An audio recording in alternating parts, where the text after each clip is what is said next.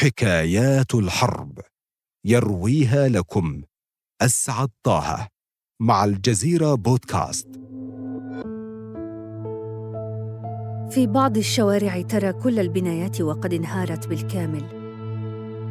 لن تجد هناك سوى ملابس ممزقة وأوان محطمة وأثاث منزلي ملقى هنا وهناك. ليس هناك أي متاجر تعمل. الأسر تشارك بعضها مع بعض ما يملكونه. كثير من الناس يخشون الحركة في الشوارع حتى لا تقتلهم رصاصات القناصة. ومن يخرج للبحث عن الطعام عادة ما يكون مصيره الموت. ربما لم تمر بكم هذه الحكاية من قبل. إليكم ما جرى. نحن في عام 1969 تقرر ماري وقد بلغت الثالثة عشر من عمرها أن تباشر في كتابة مذكراتها. تلك الأحداث البسيطة التي تمر بها. تلك اللعبة التي كان يحلو لوالدها أن يلعبها معها ومع أختيها الاثنتين اللتين تصورانها يتسلقن الأشجار ومن ينكسر غصنه يخسر. تلك المشاعر التي تكنها للمحيطين بها. تلك الأمور التي تريد أن تحادث أمها بشأنها. لا يمر عام إلا وتباشر في كتابة أول رواية لها. عن كائنات فضائية تهبط من المريخ لتختبر صلاحية الحياة على الأرض. ماري المولودة في نيويورك مشاغبة. لا تنصت إلى نصيحة أمها. تقرر أن تخرج إلى الساحة العامة مع زملائها. يحملون صور الجنود الصغار الذين قتلوا في فيتنام ويرفعون مطلبهم. اوقفوا الحرب.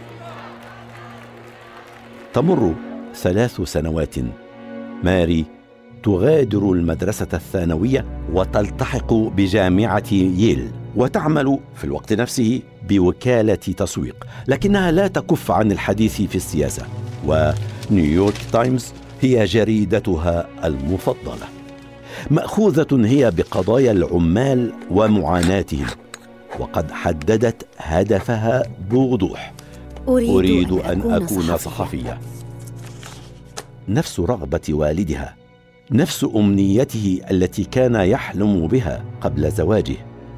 تكتب مقالها الأول لصالح الصحافة الجامعية لكن وفاة والدها عام 1977 تترك اثرا كبيرا عليها وتحدث تغييرا كبيرا في مسار حياتها.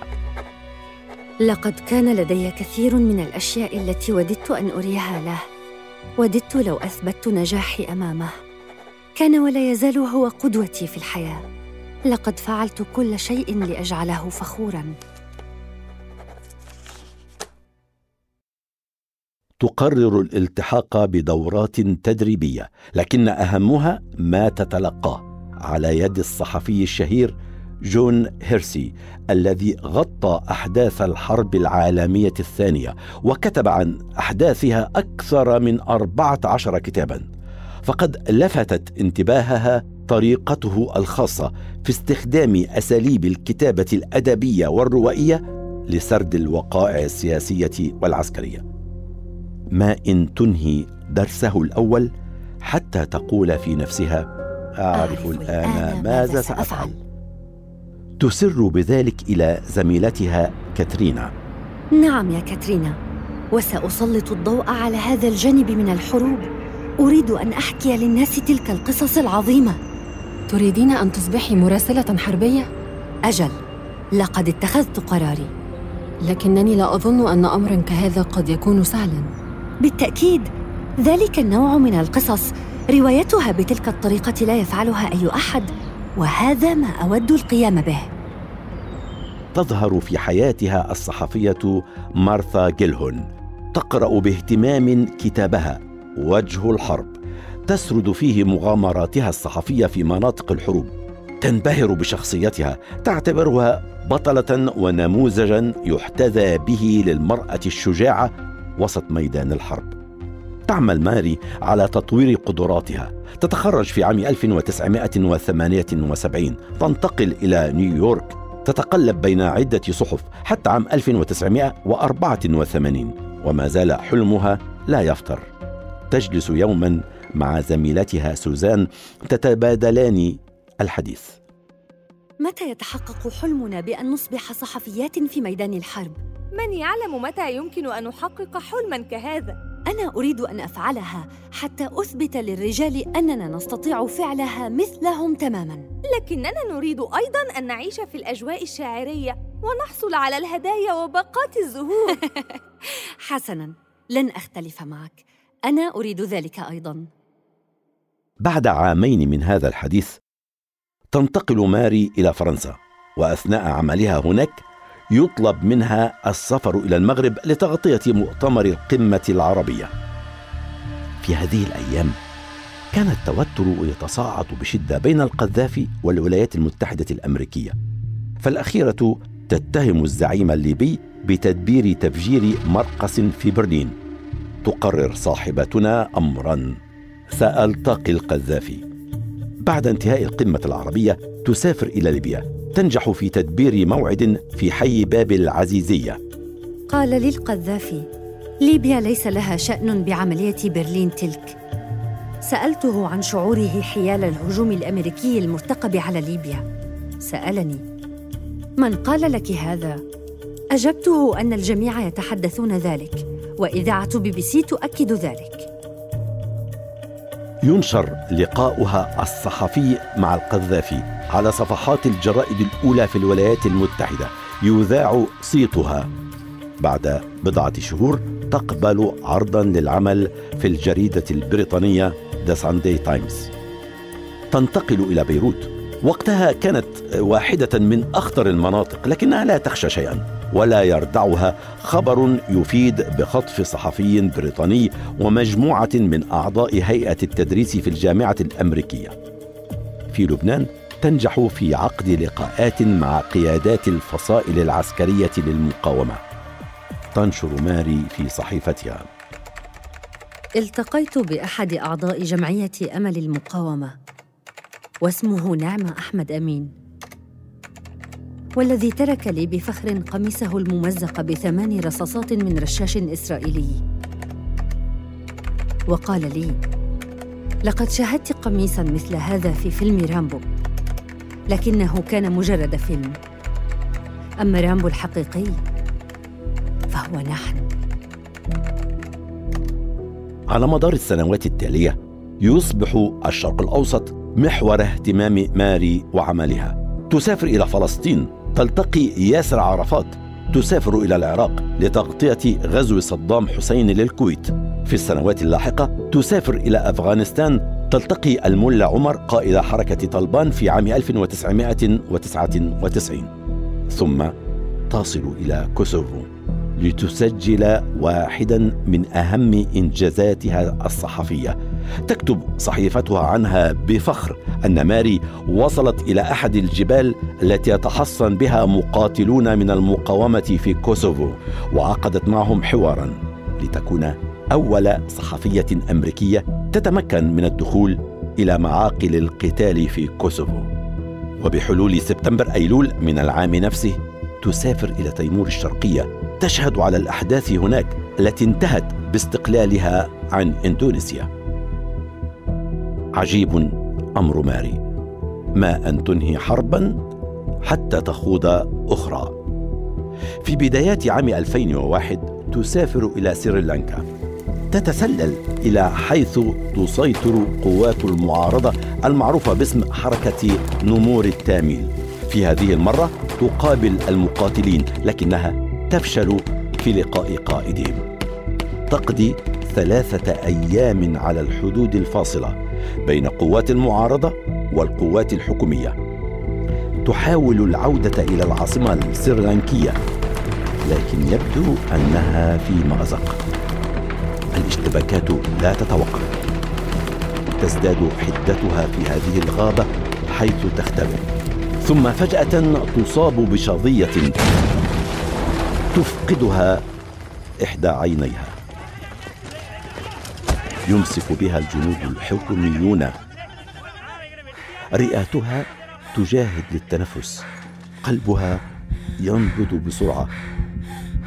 وكل ذرة فيها تكاد تقول إنها على وشك الموت. في الخامسة فجرا من صباح اليوم التالي يتلقى السفير الأمريكي اتصالا من الجيش السريلانكي. يخبرونه ما جرى لمواطنته الأمريكية. تهبط طائرة مروحيه تقل ماري بعدما أصبحت بعين واحدة. هكذا لبقية حياتها. لماذا أكتب وأغطي أحداث الحروب؟ لطالما سألني الجميع ذلك السؤال على مدار الأسابيع الماضية. بالنسبة لي كان قراري الكتابة عن أزمات الإنسانية في المناطق الأكثر خطورة. وهذا هو المهم أن نحكي للناس ما يحدث في الحرب المعلن منها وغير المعلن. لا تندم ماري ولا تهدأ. في عام 2011 تسافر إلى ليبيا لتغطي أحداث الثورة محملة بذكريات لقائها مع القذافي. لكنها الآن قد تجاوزت الخمسين من عمرها. تتحرك برفقة عناصر الثوار بين هنا وهناك. ترسل رسالة إلى أحد زملائها تروي له القتال هنا مفزع والحصار مخيف. أشعر كما لو أنني في إعادة إنتاج لحصار ستالينغراد. كنت نائمة على أرضية أحد المشافي. وكلما سمعت الأطباء أو مقاتلي المعارضة يصرخون الله أكبر كنت أعرف أنهم يستقبلون مصابا جديدا برصاص قوات القذافي. برفقة زميلها المصور ريتشارد تتجول وتكتب إلى أن تشهد لحظة مقتل القذافي. تكتب في صحيفتها. لم يسبق أن رأيت الناس يحتفلون كما احتفل الليبيون بسقوطه. كان دائما ما يصف نفسه بالقائد والمعلم والاخ الأكبر. لكنني لم أرى في عيون أي أحد هنا شفقة أو تعاطفا نحوه. لقد كان مكروها.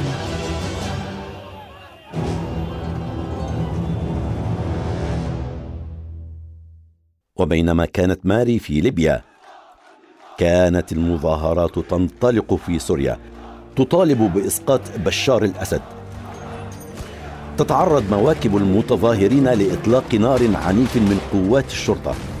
ماري ترغب في السفر إلى سوريا لكن السلطة حريصة على منع وصول الصحفيين الأجانب إلى حيث تطلق قذائفها على الشعب.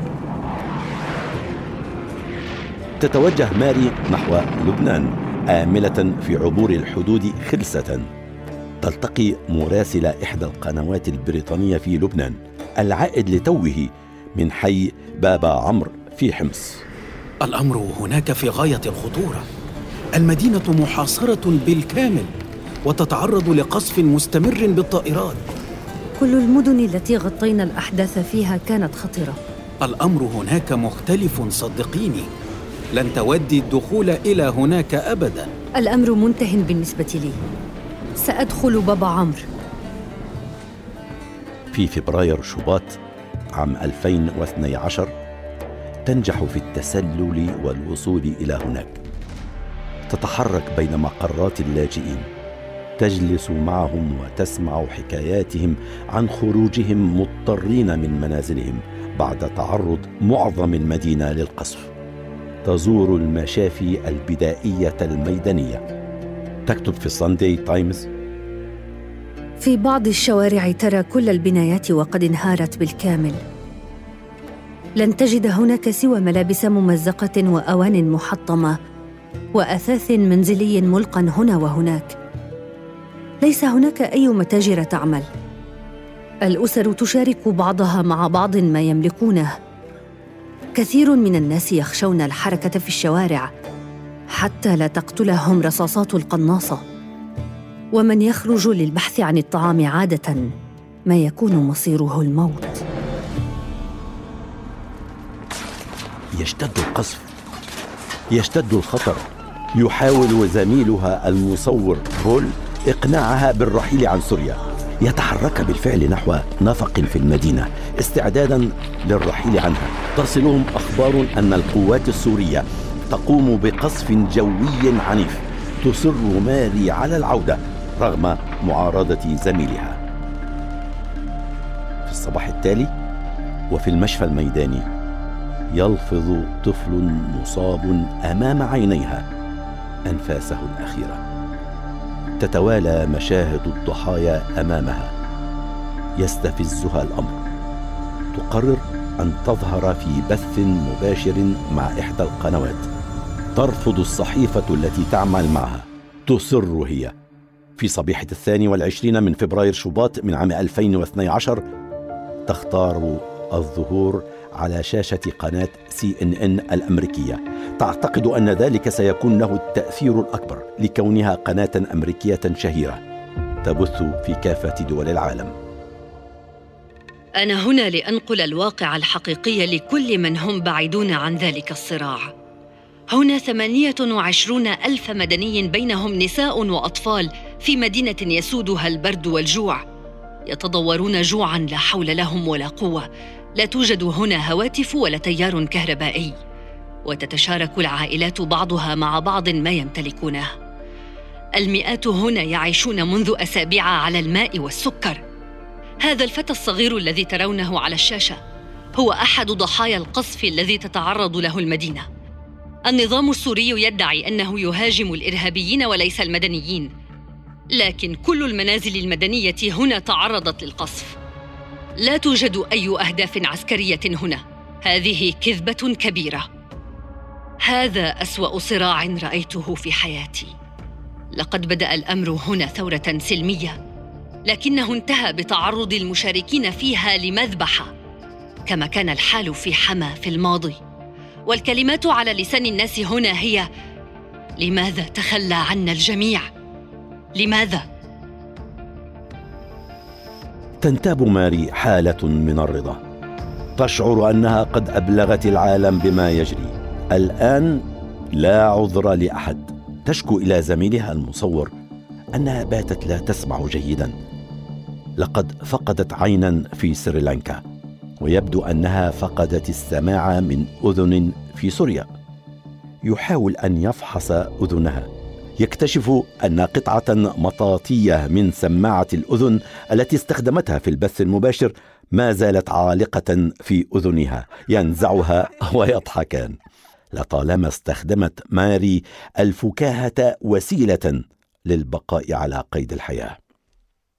تمر عدة ساعات. يبدأ القصف من جديد. يقترب من مكان تواجدها. تحاول قوات السلطة استطلاع مكانها عبر إحداثيات مكان البث المباشر الذي جرى. تقصف بالفعل المكان. ينجو المصور. تموت ماري كولفن نهاية مؤلمة لصحفية شجاعة. أرادت أن تخبر العالم بجريمة ترتكب بحق مواطنين أبرياء. إلى هنا تنتهي الحكاية. لكن حكايات الحرب لا تنتهي ابدا. اسعد طه